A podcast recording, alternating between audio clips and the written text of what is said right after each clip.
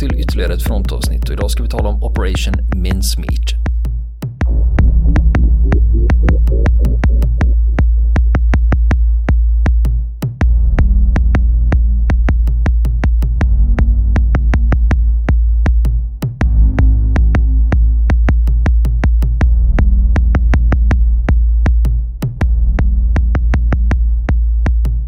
Niklas, mincemeat. Ja, köttfärs. Köttfärs. Ja, men när vi pratade lite innan jag satte, tryckte på eh, inspelningsknappen här. Du kände ju till lite om den här speciella operationen. Vi ska Ja. inte, men spoila inget nu. Nej, jag ska inte spoila, det är din show. Nej, det är ingen fara. Utan vi kanske ska berätta. Mincemeat är lite av en ordvits skulle man kunna säga. För det här är en brittisk operation. Skulle väl kunna Mm. Eh, visa, vara ett exempel på liksom lite syrlig brittisk eh, humor. precis, precis. Som vi känner igen från andra håll. Ja. Men nu pratar vi, året är 1943. Just det. Ja, och de allierade har ju planer på att ta sig in i Europa. Det man hade tänkt sig är att man ska gå in söderifrån. För Nordafrika har man ju tagit vid det här laget. Och i januari 1943 så är det ju en konferens i Casablanca. När, man, eh, när de allierade ledarna möts och ska diskutera hur man lägger upp planen. Och då enas man om att gå in i Sicilien i juli månad. Och det kallas för Operation Husky. Och det är där man ska ta södra Europa. Men nu är ju problemet att man vill ju, de allierade vill ju inte gärna att tyskarna ska få reda på det här eller kunna lägga pussel och ut det. Eh, lista ut att det är Sicilien som är målet. För det finns några andra platser som kan vara intressanta att ta sig in och det är bland annat Grekland, Sardinien och Korsika är andra platser som eh, man hade tänkt sig som möjliga då, men nu blev det Sicilien ändå. Och eh, ett uppdrag här går då till brittiska MI5 att man då ska inleda någon form av manöver för att lura tyskarna att tro att de ska ta Sardinien, Korsika och Grekland. Så att de förbiser Sicilien på något sätt då. Och eh, bland annat eh, det här uppdraget går då till admiral John Godfrey som jobbade i flottans underrättelsetjänst. Och redan september 1939 då var det ett, eh, ett PM, ett som kallas för Trout Memo. Eh, som är känt i underrättelsekretsar sedan dess. Och det, i, det här, I det här PMet där var det 51 förslag på bedrägliga operationer hur man kan lura fienden om det behövs då. Och nu var det inte bara admiral John Godfrey, han hade inte skrivit den här själv, utan det var faktiskt hans assistent som hade varit med och arbetat fram den här. Och han heter Ian Fleming. Ja, tada! Och han, han är ju lite mer känd som författaren som skrev böckerna och hittade på James Bond. Han hade fantasi redan då. Ja, precis. Så han hade varit med och tagit fram de här. Och då kommer man till det där, det heter Trout Memo. Det här Trout, det är ju öring, fisken. Och det här skulle då symbolisera hur man fiskar öring i en bäck. Att du står kanske på ett ställe eh, och fiskar med en typ av drag och sen kan du gå till ett annat ställe fast då använder du samma typ av drag. Sen kan du gå tillbaka till nästa ställe och byta drag och liksom det skulle vara det här lite försåtliga, det här genomtänkta. Eh, det var det som var idén. Det fanns 51 förslag i Trout Memo. Så här blåser du fienden. Nummer 28 valde man i det här Trout Memo att det ska vi köra den här gången. Och det går ut på att man dumpar ett lik med fejkade dokument som fienden då ska ta del av och tro att det här är äkta då.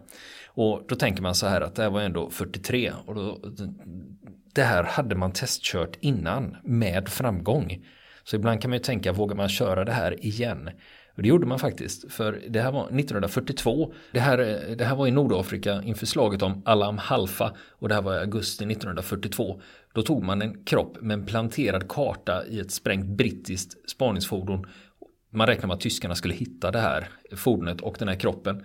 Och den här kartan man hade lagt i likets ficka, det visade på de platser där det fanns allierade minfält.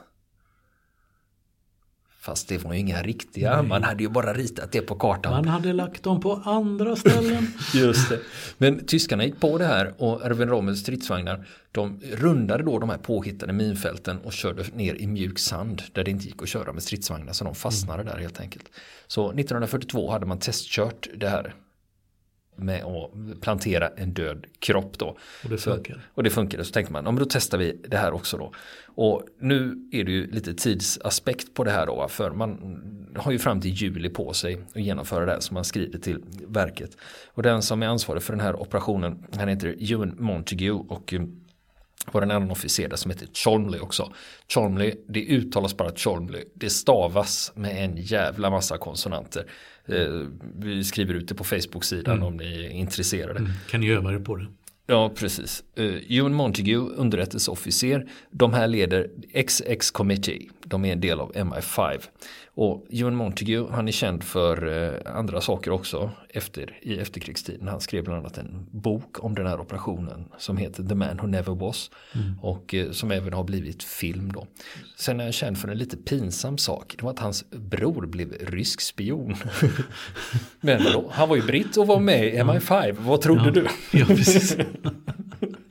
It runs in the family. Liksom. Ja, nej, ja, men Ewan Montague blev, eh, arbetade inte för ryssarna efter kriget i alla fall.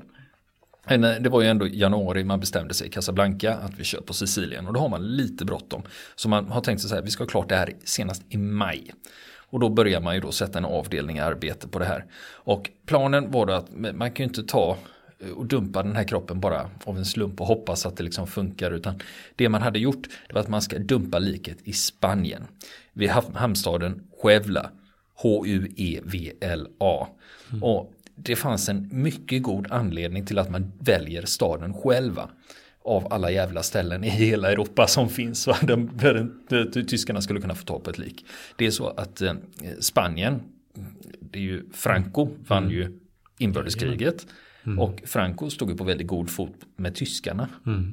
Så att även om Spanien i formell mening var neutralt under kriget så hade de väldigt mycket samarbete med tyskarna. Och det visste ju britterna då. Och de visste också att i själva så är det en tysk Abwehrspion. Abwehr är ju tyska underrättelsetjänsten. Eh, Och de visste till och med vem han var. Han hette Adolf Klaus och var tysk spion. Stationerade själva. Och det de gillade med honom det var att han var, han var inte så fantasifull. Utan han var liksom A till B, ettor och nollor. Utan han kunde inte tänka i vidare banor eller något sånt. Utan hitta- Utanför han, boxen. han kunde inte, ja precis, det är ett bra uttryck. Han kunde inte tänka utanför boxen. Så man visste att han var ett bra mål då. Så man räknar med att eh, när, om spanjorerna hittar den här kroppen så kommer det att komma till hans kännedom. Och han kommer ju att gå igång på det här då. I Storbritannien så börjar man jobba då med det här liket. Eller ja, man har ju inget lik ännu då. Utan man börjar tänka, vi måste ha tag på ett lik. Men man börjar med att skapa en karaktär. Man tar namnet Major William Martin. Det är inte bara påhittat utan det existerade faktiskt en officer som hette Major William Martin. Men han var, jag tror han var i Kanada eller USA, han var liksom inte ens i den europeiska delen av världen. Och Eh, så skulle man då packa hans fickor med trovärdiga saker, till exempel avrivna teaterbiljetter. Och så konstruerar man även att han skulle ha en fästmö. Och då frågar de tjejerna på eh, MI5s avdelning där, någon som kan tänka sig att skriva ett kärleksbrev till han Major William Martin. Jo, det, alla eh, kvinnliga assistenter där, sekreterare, ställde upp då. Jag vill skriva, jag vill skriva. Och till slut så blev det så att då, Hester Leggert hette hon då som fick äran att skriva de här eldiga kärleksbreven till Major William Martin. Och eh, sen hade man då tagit fram en flygaruniform som man skulle hitta liket i då. Och då började Montagues officerskollega Chomley Eh, gå runt med den här kostymen för att slita in den så den ska liksom se välanvänd ut. Den ska inte se ut som den kommer direkt från förrådet. Och de hade inte bara teaterbiljetter i fickorna, de hade även lite bankpapper. Så det liksom skulle vara liksom full autenticitet. Vad en person rimligtvis borde kunna ha i fickorna då. Men de behövde ju också en kropp och det här godkändes då av Admiral Godfrey i Royal Navy. Och då börjar man ju leta och börja fundera över vad ska vi hitta det här? Och då tog man hjälp på sjukhuset St. Pancras. Eh, där fick de tag på en patolog som erbjöd sig att hjälpa dem då. Och till slut så är det patologen som säger då att, eh, för de beskrev ju vad de skulle göra, vad de skulle ha kroppen till då. Så de skulle hålla utkik efter en viss ålder och det får inte vara för uppenbart, inga uppenbara skador heller. Ingen alkis. Ja, det var ju det det blev. Ja, jo, eller, men han fick, fick inte se ut som en alkis. Nej, förlåt. Nej, precis. Jag vet. Var det, var det Ja. en spoiler där? Nej, men vi, Nej. jag klipp det. Ja, det får vi göra. Ja. Nej, så man behövde ju ha tag på en kropp då utan synliga skador. Till exempel han kan inte dyka upp med vilken typ av skador som helst för det blir inte så troligt. Eller ryska tatueringar. Ja, eh, till exempel. Eller hål hål i öronen. Väldigt vanligt bland brittiska Ja, flygmajorer på den tiden. Så att eh, det som de behöver ha tag på det är en eh, kropp då. Och gärna en med lunginflammation. För då har du, fått, då har du haft vätska i lungorna. Om du har en riktigt illa Just lunginflammation. Och om man då ska fejka drunkning så ligger det ganska nära då. Men kroppen måste ju ändå vara hyfsat färsk. För du kan inte ta någon som har legat länge. Nej. Och till slut så har de tur. Patologen på St. Pancras han eh, meddelar att de har fått in en kropp som skulle kunna passa. Och den kroppen de har fått in det är en walesare, han heter Glynder Michael. Han är född 1909 och han är alkis och han har ingen släkt. För hans, eh, till och med pappa har tagit livet av sig. Och den här Glynder Michael han lever i några dagar när han kommer in på sjukhuset. Han är svårt förgiftad av och döende av råttgift. Och då vet man inte, det går, sen går historien isär lite om han faktiskt har tagit livet av sig med rejäl dos råttgift eller om det var så att han svalt och hittade en brödbit i en, i en lagerlokal ja. där han huserade och att han trodde att han skulle kunna äta den Mm. och blev förgiftad då. Och här, den här typen av råttgift leder då till en kemisk lunginflammation. Mhm. Så det var det han dog av, men den har ju samma symptom som en vanlig då. Och han hittades i januari 1943 och han dog efter två dagar på sjukhus då. Och då hade man en kropp då som skulle kunna funka. Så då börjar man, eh, börjar man prova ut eh, allt möjligt för att det här ska bli bra. Och ett problem de hade med Glendor Michael det var att de skulle fixa en legitimation. En militär legitimation till honom. Och det var problemet att de hade inget foto på honom i livet. Och de försökte ta kort. De, de försökte alltså fota honom när han var död. Och Fast försökte få få det det att se ut så att han så lever. att han levde. Det gick inget Det bra. brukar vara svårt. Det kan vara, det, ja, det, det kan vara svårt. Ja. Så att eh, det blir inget bra med det där. Så istället så börjar de kolla runt. Och att finns det, och säg att vi hittar någon som är väldigt, väldigt lik honom. Då kan ju det liksom vara good enough då liksom. Och mycket riktigt hade någon tur. De hittade faktiskt en officer som jobbade i underrättelsetjänsten. Som var ganska lik honom. Så de tänkte att det skulle nog kunna passera då. Man hade ju inte Photoshop. så hade man nog löst det idag då. Ja. Och sen är det också man förvarar den här kroppen av och Michael då i tre månader eh, nedkyld då innan det är dags att skrida till verket. Och sen när han väl är laddad och klar då har man eh, dessutom man har bland annat ett brev på honom och det är egentligen där i nyckeln ligger. Det är det här brevet som ska lura tyskarna. Och i det här brevet som är skriven av en existerande general till en annan existerande general. Och det är den riktiga generalen som har författat det här brevet. Så han använder sin, exakt sitt vanliga språkbruk och sin namnteckning. Så att allting ska vara så autentiskt som möjligt. Och i det här brevet så antyder han att invasionen ska ske i Grekland. Liksom lite i förbifarten och inte helt övertydligt. Men eh, lägger man ihop lite enkla gåtor så blir det Grekland. I brevet också så anger de att Sicilien är ett skenmål. Så vi kommer att försöka lura tyskarna att, vi ska till Sicilien, att det är Sicilien som gäller. För då tänkte man så här att ja, som tyskarna stöter på det här med uppgifter om Sicilien någon annanstans. Då vet de om att ja, men det är ju britterna som har planterat det. Det stod ju i brevet mellan de här generalerna. Då. Så så lurigt var det. Och nu är det också en grej. De lägger en ögonfrans i det här brevet. För att om de får tillbaka det så småningom då ska de kunna se om någon har läst det. För om de vecklar ut det då ramlar ögonfransen ur.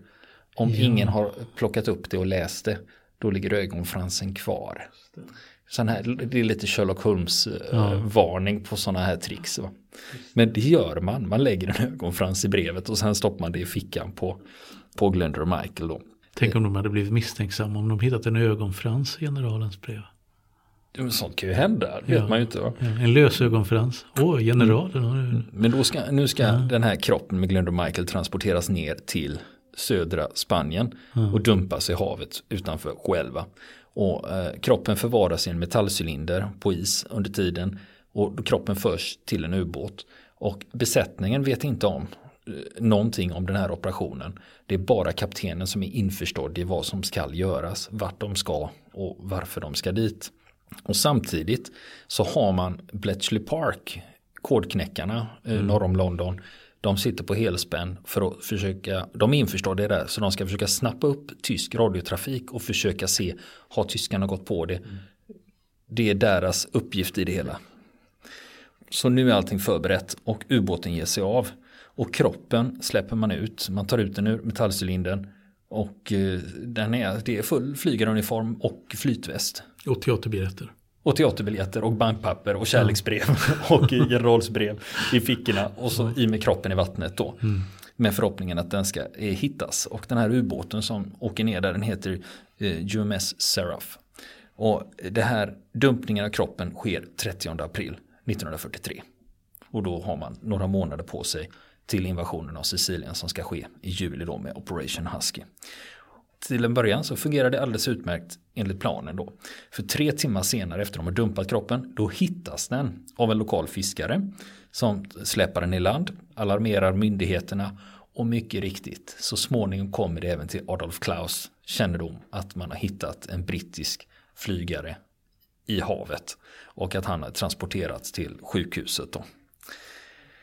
Sen hade man gjort ytterligare ett trick. Det var ju det här att det skulle ju föreställa att han hade drunknat mm. i den här flygolyckan. Eh, och för att undvika en väldigt, väldigt grundlig obduktion av liket så hade man dessutom hängt på det ett krucifix som, symbol, som skulle då visa att Glyndor mm. Michael eller då Major mm. William eh, var katolik. Och då trodde man att den spanske patologen då inte skulle det här med att obducera och han skulle inte skära igenom utan bara liksom göra en ytlig besiktning och se att inga ytterligare skador men vätska i lungorna, drunkning, mm. hepp. Och det här knepet funkar. Patologen avstod och karvade i liket. Mm. Utan gjorde en ytlig bedömning och konstaterade död till följd av drunkning. Så, så tillvida så funkar den. Sen är det här, eh, de har haft bra mycket tur hittills. Mm. Och det fortsätter. För samtidigt som man har dumpat kroppen ungefär så har, så har det störtat ett plan från RAF i närheten. Där det har omkommit några brittiska officerare. Så att när det dyker upp och så plötsligt så flyter det i land en brittisk officerare. Ja, inget konstigt. Inget konstigt för vi har hittat några till. Va? Så att eh, mm. man får ha tur. Va? Och för att förstärka den här bluffen ytterligare så började britterna skicka en rad angelägna meddelanden till sin ambassad i Spanien att ni måste få tillbaka alla dokument från den här, den här, den här kroppen som har flutit i land. Mm. Det är det absolut viktigaste. Släpp allt annat ni har. Vi måste ha tag på papperna. Det får inte falla i någon, mm. någon annans händer. Så viktiga är de. Och det, det var någon som det, lyssnade. Och det var ju någon som lyssnade på det där och insåg att mm. det här är lite intressant. Då. Det som händer är ju självklart att eh, spanjorerna själva undersöker kroppen och alla dokument och eh, även den tyska agenten Klaus undersöker också de här papperna. Men ändå så britterna står på sig mot span, gentemot spanjorerna och vill ha tillbaka alla papper och alla dokument som liket hade på sig. Det blir en militär ceremoniell begravning i staden den 4 maj. Då begravs eh, Major William Martin i Huelva. Och eh, britterna får så småningom tillbaka samtliga dokument av spanjorerna och öppnar brevet för att se om ögonfransen ligger kvar och det gör den inte. Och samtidigt så övervakar man ju trafiken för att se vad eh, tyskarna, vad snackar tyskarna om nu. Och eh, de här uppgifterna som står i brevet levereras vidare till Abwehr och sen så småningom så eh, går de här uppgifterna högre och högre upp i den tyska hierarkin och till slut så når de Adolf Hitler som får ta del av de här uppgifterna. Och nu är ju frågan var ska man ställa sina trupper för att möta invasionen som komma skall söderifrån. Och Hitler, först var han lite skeptisk inför det här var de skulle gå i land någonstans. Han var inte riktigt säker på det. Men han blev övertygad av de här falska dokumentet och insisterade på att Sicilien det var inte det troligaste. Utan de flyttade till och med förband från Sicilien för att försvara Korsika, Sardinien och Grekland. Mm. Så så tillvida hade planen lyckats. Och till och med Erwin Rommel han beordrades ner till Aten för att leda en armégrupp där. För att möta den eh, allierade invasionen. Mm. Sen drog man flera minläggarubåtar och minsveparbåtar som egentligen skulle varit på Sicilien. De plockar man också bort. Och sen flyttar man två pansardivisioner från östfronten till Grekland för att verkligen vara säker. Och egentligen behövde man de här två pansardivisionerna vid upptakten för det var dags för slag, slaget vid Kursk mm. vid det här laget. Men eftersom Grekland stod på tur och blev invaderat så var det där man satte, eh, man satte musklerna då. I väntan på det här. Och eh, sen är det dags för invasion. 9 juli rullar den igång. Mm. Men det, inte i Grekland. Men inte i Grekland. Det är Sicilien. För då startar Operation Husky och man börjar med landstigningsoperationerna på Sicilien. Och då tänker man ju så här att tyskarna borde ju kunna inse då att jävlar, vi har blivit lurade. Nu måste vi omdirigera från Grekland, Sardinien och Korsika och satsa allting var på Sicilien och Italien för att möta hotet. Det tror man inte. För man tror att detta är en krigslist.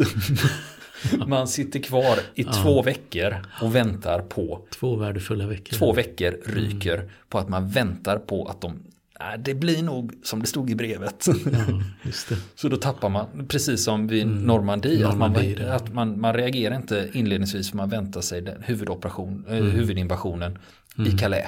Precis. Och exakt precis. samma sak sker. För man 1900, har blivit låtit sig luras. Sker 1943. Och man klev ju land 9 juli och redan 9 augusti på en månad har man tagit hela Sicilien. Mm. Sen mm. när man har tagit hela Sicilien då ska man över Messina-sundet och sen fortsätta trycka tillbaks italienarna och tyskarna genom Italien norrut. Då. Så det är en väldigt, väldigt lyckad operation, Operation Mincemeat som har gått i historien. Mm. Och som jag sa förut mm. att det har skrivits en bok av det här och sen det blir film mm. också. The Man Who Never Was och det är mm. Ewan Montague mm. som har skrivit den.